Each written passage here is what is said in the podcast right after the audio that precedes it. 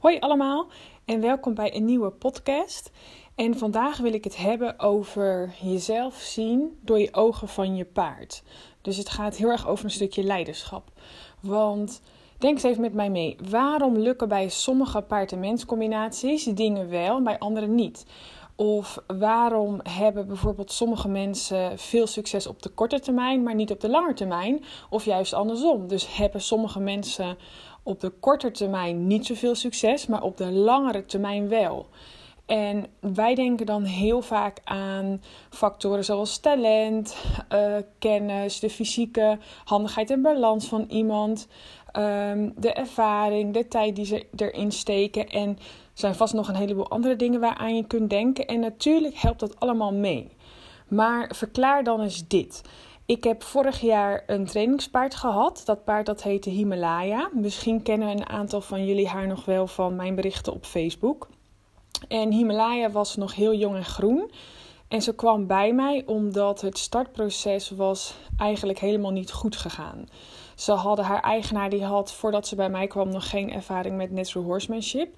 En die had haar laten starten bij een gewone reguliere stal. En dat was eigenlijk zo verkeerd gegaan dat ofwel vanaf het moment dat je op wilde stappen, ofwel ergens in het begin van de sessie, dat ze zo blokkeerde dat ze zichzelf achterover liet vallen met zadel en ruiter en al. En ehm, toen is ergens in die periode is ook de eigenaar van haar afgevallen, waardoor ze haar rug brak. En dat was voor haar echt wel een moment dat ze dacht: ja, ik moet het nu anders aan gaan pakken, want anders komt dit gewoon echt niet goed. En Himalaya is toen bij mij in training gekomen voor een periode van, ik geloof uiteindelijk bijna drie maanden. Ehm, en tot op de dag van vandaag gaat het zo ontzettend goed. de eigenaar kan met haar naar het bos. Ze kunnen van alles doen in de bak. En eigenlijk de hele problematiek, die toch wel in eerste instantie behoorlijk heftig was, is eigenlijk helemaal weg. En dat was bij een jong en groen paard. Dat was bij een eigenaar die ook helemaal geen ervaring had met een stukje natural horsemanship. Die ook geen 23 meer was en dus nog steeds herstellende was, zowel fysiek als mentaal natuurlijk, van een gebroken rug.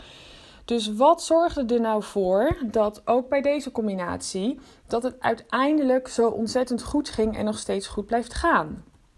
Dat heeft eigenlijk te maken omdat de eigenaar van Himalaya er echt stond. Haar waarde als persoon, als leider in de ogen van haar paard was heel groot. Ze heeft precies gedaan wat we in de training doorgenomen hebben. Ze heeft precies gedaan eigenlijk wat ik tegen haar zei. Ze heeft er elke dag in geïnvesteerd, zonder twijfel.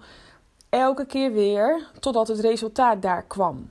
Want dit moet je even goed onthouden. Als de persoon het niet echt doet, doet het paard het ook niet.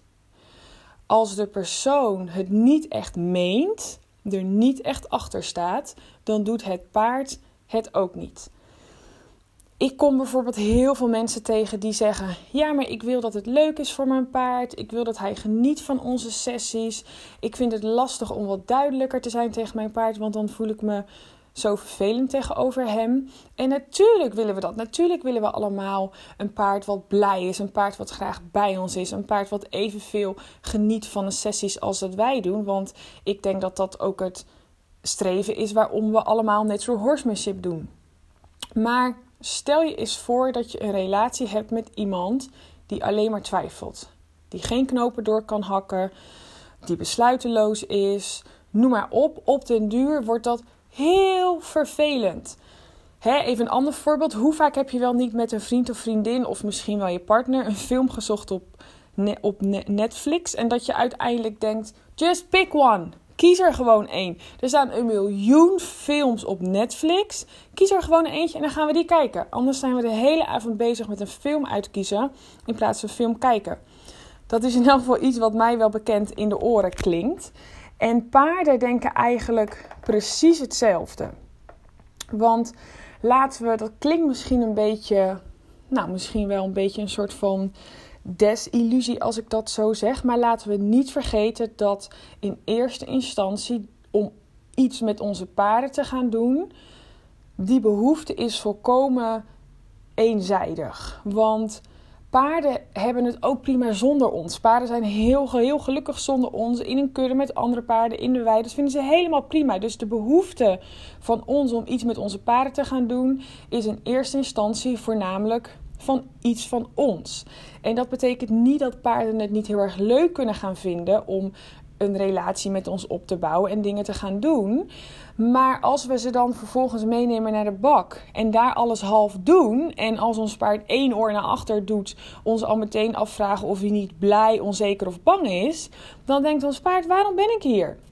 als je mij dan meeneemt, laten we dan alsjeblieft iets gaan doen. Er is niets vervelender dan in een relatie te zitten met iemand that can't make up his mind. je paard denkt weer hetzelfde als wat ik net zei. Als jij het niet echt doet, als jij het niet echt weet, dan doe ik het ook niet. als jij jezelf niet serieus neemt, hoe kan jouw paard jou dan serieus nemen? Hoe kun je dan een goede leider zijn? En in de praktijk zie ik dat deze twijfels heel vaak naar boven komen op het moment dat we ons in een situatie bevinden waarin we tegen meer weerstand aanlopen bij ons paard. dus bijvoorbeeld als die iets doet wat we graag niet willen, of als die iets doet, iets niet doet wat we wel willen. En dat is natuurlijk ook logisch. Het is ook goed om op dat moment na te denken van... hé, hey, is mijn paard hier wel klaar voor? Maar wat doen we dan vaak? Vaak stoppen we, vaak doen we een stapje terug, vaak gaan we twijfelen. En hoe voelt dat voor ons paard? Heel naar, want je hebt net een hele hoop chaos gecreëerd voor niets. Je paard weet nog steeds niet waarom, wat de bedoeling daarvan is. En het is veel vervelender voor je paard dat je dan op dat moment stopt en dat hij denkt van waarom hebben we nou al deze chaos gecreëerd in plaats van dat je daardoor heen gaat en stopt op het moment dat je paard in elk geval een idee heeft van wat je graag ziet en graag wilt. Want laten we niet vergeten dat waar de wrijving is, is ook vaak waar het vuurtje ontstaat. Zoals ik laatst iemand dat zo mooi hoorde zeggen, soms moet je door de weerstand heen werken om een nieuw level te bereiken. En natuurlijk moet je goed kijken, wat ik net ook zei, of datgene wat je vraagt passend is voor het niveau van jezelf en dat van je paard. Maar ik denk dat dat allemaal voor, over, voor ons over het algemeen wel helder is. Hè? En nog een ander voorbeeld. Ehm, dit is ook iets wat ik heel veel zie bij mensen die een onzeker paard hebben, omdat we willen die onzekerheid niet erger maken. Maar door dan juist onduidelijk en vaag te blijven, voegen we geen waarde toe voor ons paard. Want onzekere paarden hebben juist de behoefte aan iemand die het wel zeker weet, die ze meeneemt en een stukje richting geeft. Of bijvoorbeeld paarden die right brain introvert zijn. Als je niet zo goed weet wat een right brain introvert paard is, dan is het misschien interessant om eens op Google het woord horsenalities in te tikken. En dan krijg je daar een heleboel informatie over.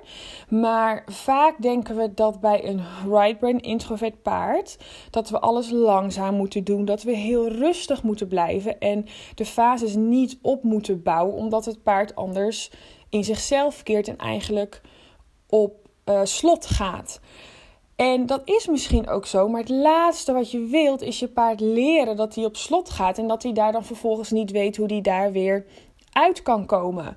Dus wat je eigenlijk wilt blijven doen, is dat je de vraag blijft stellen. En als het nodig is, de fases ook wat opbouwt. Totdat je paard daar eigenlijk doorheen komt. En op dat moment stop je. En dan kun je ze bijvoorbeeld daarna een veel langere pauze geven. Ze echt helemaal weer, als de spanning wat hoger werd, dat ze helemaal af laten vloeien. Dat ze erover na kunnen denken. Maar in het moment zelf moet je eigenlijk altijd doorgaan totdat je paard begrijpt waar het over gaat. Dus nog even een korte samenvatting. Maar wat ik eigenlijk vooral wil delen en wil vertellen in deze podcast is dat als jij niet echt doet wat je eigenlijk echt wilt doen, als jij het niet echt meent, dan kan je paard het ook niet doen. Paarden willen weten wat je waard bent en of je serieus bent, of je het meent. Dat is eigenlijk een van de belangrijkste sleutels tot succes. Dus niet talent, niet ervaring, niet hoe handig je bent en noem maar op. Paarden willen weten dat je serieus bent. Bedankt voor het luisteren en tot een volgende keer.